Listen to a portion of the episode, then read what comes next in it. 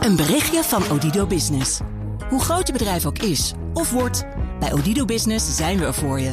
Met unlimited data en bellen en met supersnel en stabiel zakelijk internet. Ook via glasvezel. Ontdek wat er allemaal kan op odido.nl/slash business. Het kan ook zo. Een goedemorgen van het FD. Ik ben Saskia Jonker en het is maandag 22 januari.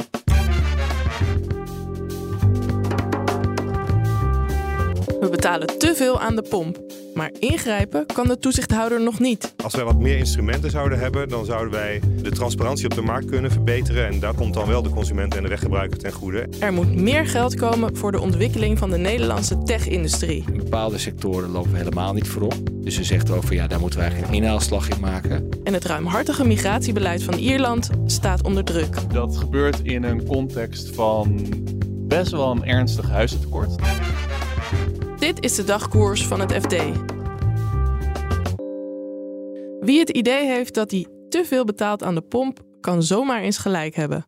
Want uit een nieuw rapport blijkt dat de benzineprijzen veel sneller stijgen dan dat ze dalen als de olieprijs beweegt. En dat levert weggebruikers een hoop extra kosten op, vertelt energieredacteur Bert van Dijk. Als je dat een beetje berekent op basis van uh, getankte brandstof, in uh, de laatste cijfers heb ik dan genomen van 2022, 10 miljard kilo brandstof. En als je dat dan omrekent naar liters en dan de prijzen, gaat het om 380 miljoen euro.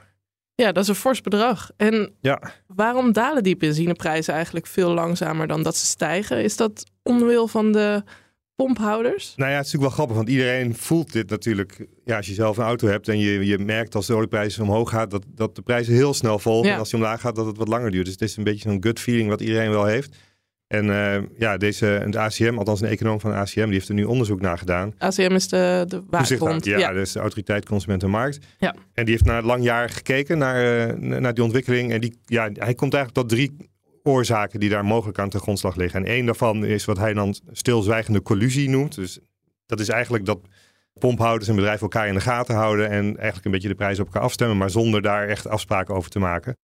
Dat is één oorzaak, of zou één oorzaak kunnen zijn. Een andere oorzaak is dat consumenten, het zoekgedrag van consumenten. Um, dus ja, als een prijs stijgt, dan heeft de consument niet helemaal door of dat nou door de olieprijs komt of omdat pomphouders met elkaar aan het concurreren zijn. En dan, nou ja, dan gaat hij minder zoeken en dan gaat hij maar tanken. En dat geeft die pomphouders de ruimte om toch wat meer die prijzen te verhogen. En ja, er is ook uh, een andere reden, en dat is meer dat de keten er, uh, ja, de effecten in de keten, dus als de OPEC bijvoorbeeld de productie zou halveren.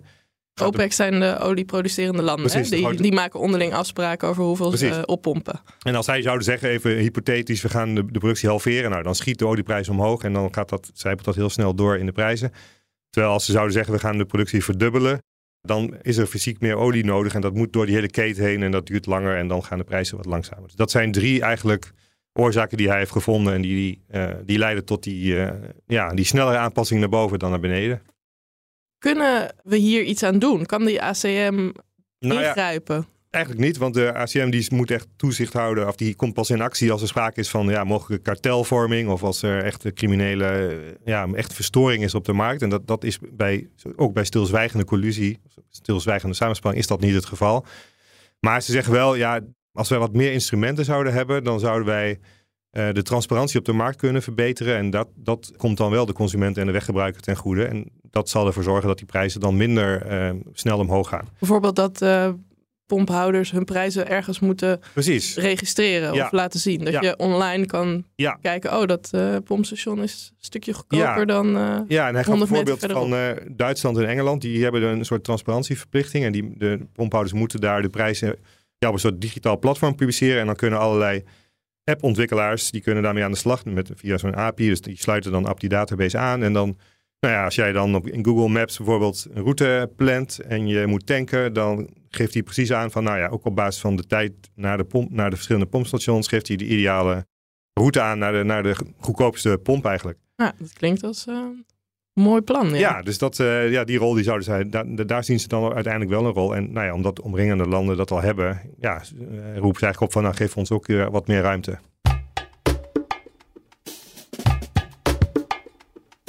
Nieuwe innovatieve techreuzen van Nederlandse bodem. Als het aan het demissionair kabinet ligt, komen die er snel. En de nieuwe nationale techstrategie moet daarbij gaan helpen. Wat dat plan precies inhoudt, hoor je van redacteur macro-economie Marijn Jongsma. Het is een, een, keuze eigenlijk die het kabinet gemaakt heeft uit tien sleuteltechnologieën. En dat zijn dan technologieën waarvan het kabinet zegt: dit zijn technologieën die van cruciaal belang zijn voor de toekomst van de Nederlandse economie. En ook voor de onafhankelijkheid van de Nederlandse economie. Dus er zijn allerlei technologische ontwikkelingen gaande, zoals kunstmatige intelligentie.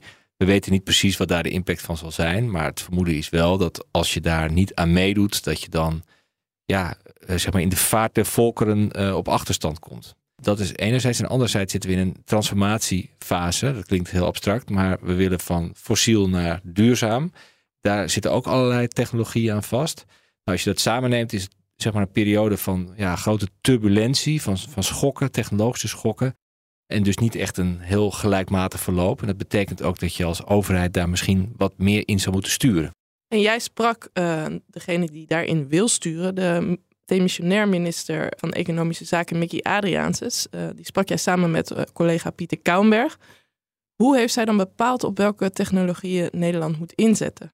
Ja, die vraag stelden wij natuurlijk ook. Want het lijkt een beetje op alsof de, de overheid dan vanuit een soort laboratorium gaat bepalen van ja, dit zal het wel moeten worden.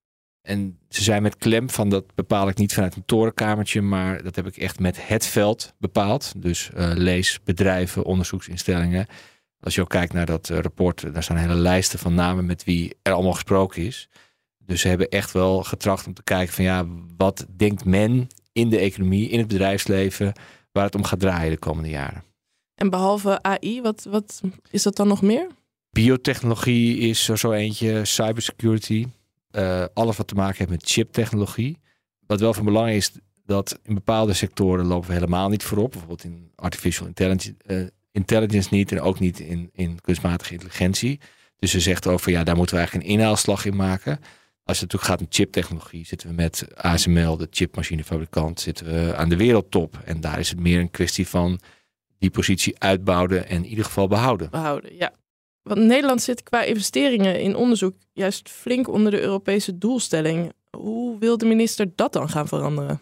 Ja, ze zegt dus eigenlijk de markt blijft achter. Uh, als je kijkt bijvoorbeeld Scandinavië, dan uh, is de verhouding tussen overheid en markt is veel meer in het voordeel van de markt dan in Nederland. Dus de, de, de bedrijven moeten een tandje bijzetten, om het uh, heel simpel te zeggen. Nou is het probleem in Nederland is dat we vaak heel goed zijn in het ontwikkeling van nieuwe technologieën. Zeker ook in samenwerking met universiteiten en dergelijke. In clusters als Eindhoven, en nou ja, waar ook ASML zit natuurlijk.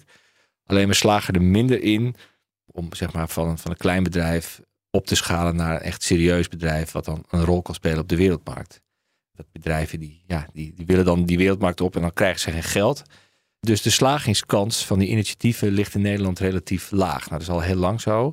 En het heeft mede te maken met het gebrek aan risicokapitaal. Dus er zijn te weinig financiers die bereid zijn daar geld in te stoppen, omdat ze het gewoon ja, te griezelig vinden. Nou is de ironie, als je kijkt naar de Nederlandse economie, dat we een ongelofelijke pot met geld hebben in de vorm van onze pensioengelden. Alleen die pensioenfondsen, ja, die zeggen van wij, wij zijn in de eerste plaats van onze pensioendeelnemers en wij maken onze eigen afweging. Wij zien niet direct een rol voor onszelf om daarin te stappen. Ja, nou, het is ook wel een beetje angstig, uh, beangstigend met ja. hoog risico van zo'n bedrijf dan wel. Inderdaad. En dus het is ook logisch. En Adriaan zegt zelf, ja, ik ben ook commissaris geweest met een pensioenfonds. Ik snap die koudwatervrees. Maar, zegt ze, als we nu doen aan kennisdeling, hè, dus we kunnen die pensioenfondsen meer inzicht geven in de risico's. Want kenmerk van risico's is natuurlijk dat je ook niet precies weet waar zitten ze dan. Dus als je meer kennis hebt, dan, dan kun je misschien die keuze meer wel overwogen maken. En twee, zou je een deel van het risico uh, kunnen wegnemen door mee te gaan investeren als overheid of garant te staan. Nou, daar is ze in gesprek mee uh, met pensioenfondsen om, om daar stappen in te zetten. Hoe kansrijk schat jij dat in? Nou, ik vind het een lastige. Uh, deze discussies over de inzet van pensioengelden lopen al jaren. En uh, hebben tot dusver eigenlijk onvoldoende opgeleverd. Het is wel zo dat met dit beleid wat nu wordt ingezet, uh, zegt de overheid ook van ja, wij willen wat we extra doen voor het bedrijfsleven, willen we gerichter doen. En ik denk dat daar wel een, ja, dat dat wel een goede zaak is. En dan Ierland, een land dat in tegenstelling tot veel andere EU-landen al decennia een ruimhartig migratiebeleid kent. Maar ook onder de tolerante Ieren lijkt de weerstand nu te groeien. Joost Dobber, correspondent in het Verenigd Koninkrijk, reisde af naar Dublin. waar in november grote rellen uitbraken. Overdag was er een hele nare steekpartij uh, bij een school. En online gingen er vervolgens al vrij snel geruchten rond dat de dader een, een buitenlander zou zijn, niet een Ier zou zijn. En waarop er uh, op sociale media werd opgeroepen om te komen protesteren in het centrum van Dublin. Dat liep vrij snel uit de hand uh, en het was behoorlijk heftig. Er ging een tram in de fik, er waren gevechten met politie. Er werd een dubbeldekkerbus in de fik gestoken en ook de bestuurder daarvan, bleek een buitenlander te zijn, uh, die werd bedreigd. Uh, dus dat was een vrij heftige, vrij heftige nacht. Vervolgens werden er ook allerlei winkels geplunderd. En dat allemaal onder het mom van uh, protesten tegen de vele immigranten in Ierland. Dat terwijl Ierland toch juist heel lang bekend stond als tolerant tegenover immigratie. Ja, Ierland was uh, of is een beetje een buitenbeentje in Europa. We zien natuurlijk overal in Europa de weerstand tegen uh, grote hoeveelheden immigratie is vrij hoog. Maar Ierland ging daar een beetje aan, aan voorbij. Het land heeft de afgelopen tijd hele hoge immigratiecijfers gehad. Inmiddels is zelfs één op de vijf mensen in Ierland elders geboren, dus 20 procent. Dat is echt heel veel. Ja. Maar het was lange tijd niet zo heel erg controversieel. Waardoor dat komt, nou ja, dat is deels te maken uh, met dat de Ierse economie had het gewoon nodig. Um, er waren allerlei gaten op de arbeidsmarkt. Uh, er waren immigranten nodig. Maar deels ook natuurlijk de redelijk unieke Ierse geschiedenis met de grote hongersnood van 1845. Uh, toen een enorme hoeveelheid, hoeveelheid Ieren natuurlijk emigreerde. En sindsdien is Ierland een land dat bekend staat om export van mensen, hè, de, de grote emigratie. Dus ja, de Ieren die zien, die hebben misschien iets meer begrip voor het fenomeen immigratie. En als je als land altijd uh, naar andere landen toe bent gegaan, zou zeggen in ieder geval de Ieren, dan sta je ook wat toleranter tegenover de komst van mensen uh, naar je land toe, nu het wel goed gaat in Ierland. En, en wat is er dan nu veranderd die, de laatste tijd? Nou ja, het is dus aan de ene kant echt een best wel grote hoeveel, hoeveelheid mensen die, is bij, uh, die er is bijgekomen. En dat gebeurt in een context van best wel een ernstig huizentekort. Dus het is heel erg lastig om in Ierland een betaalbare woning te vinden. Dat is een erfenis van de financiële crisis. Het economische herstel in Ierland is heel erg sterk geweest sinds de crisis, maar er zijn niet zo heel veel huizen bijgebouwd. Dus het is gewoon lastig om een, om een huis te vinden. Ook in de zorg zijn er grote tekorten, lange wachtrijen. Dus als je dan ziet dat er allerlei buitenlanders bijkomen, terwijl je zelf geen huis kan vinden, dan groeit ook de concurrentie voor, uh, op, de, op de woningmarkt. Dus dat is wel een van de factoren waardoor die weerstand tegen immigratie nu veel urgenter is geworden. Daar komt ook bij dat er steeds meer, of in ieder geval de regering zelf, heeft de aandacht gevestigd op het feit dat de uitkeringen in Ierland vrij hoog waren. Dus die zijn nu ook voor nieuwkomers, uh, voor, voor, voor asielzoekers die zich in Ierland melden, flink uh, minder geworden. Ja, en hier waren migratie en, en de wooncrisis een groot thema bij de laatste verkiezingen. In Ierland staan ook verkiezingen voor de deur. In hoeverre gaat dit spelen, immigratie? Nou ja, uh, dat is dus behoorlijke omslag, uh, omslag voor ja. Ierland. Want bij de vorige verkiezingen speelde het bijna geen rol. Uh, of in ieder geval heel erg laag op het prioriteitenlijstje. Maar toevallig deze week kwam er, of afgelopen week kwam er een peiling uit. Waarin migratie als aller, allerbelangrijkste onderwerp werd, werd aangewezen. Nou, dat is echt een omslag ten opzichte van hoe het, hoe het eerst was.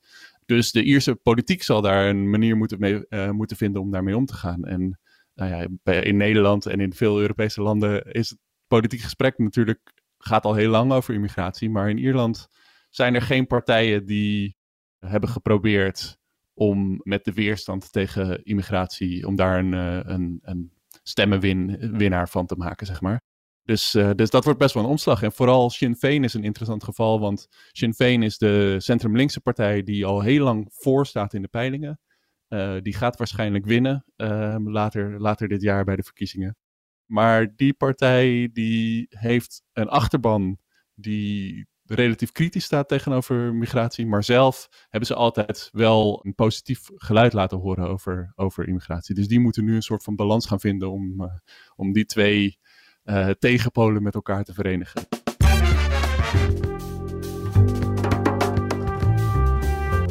Dit was de dagkoers van het FD. Wil je onze verhalen niet alleen luisteren, maar ook lezen? Probeer dan het FD vier weken voor slechts 1 euro. Ga naar fd.nl slash dagkoers en meld je aan. Morgen zijn we er weer met een nieuwe aflevering. Alvast een hele fijne dag en graag tot morgen.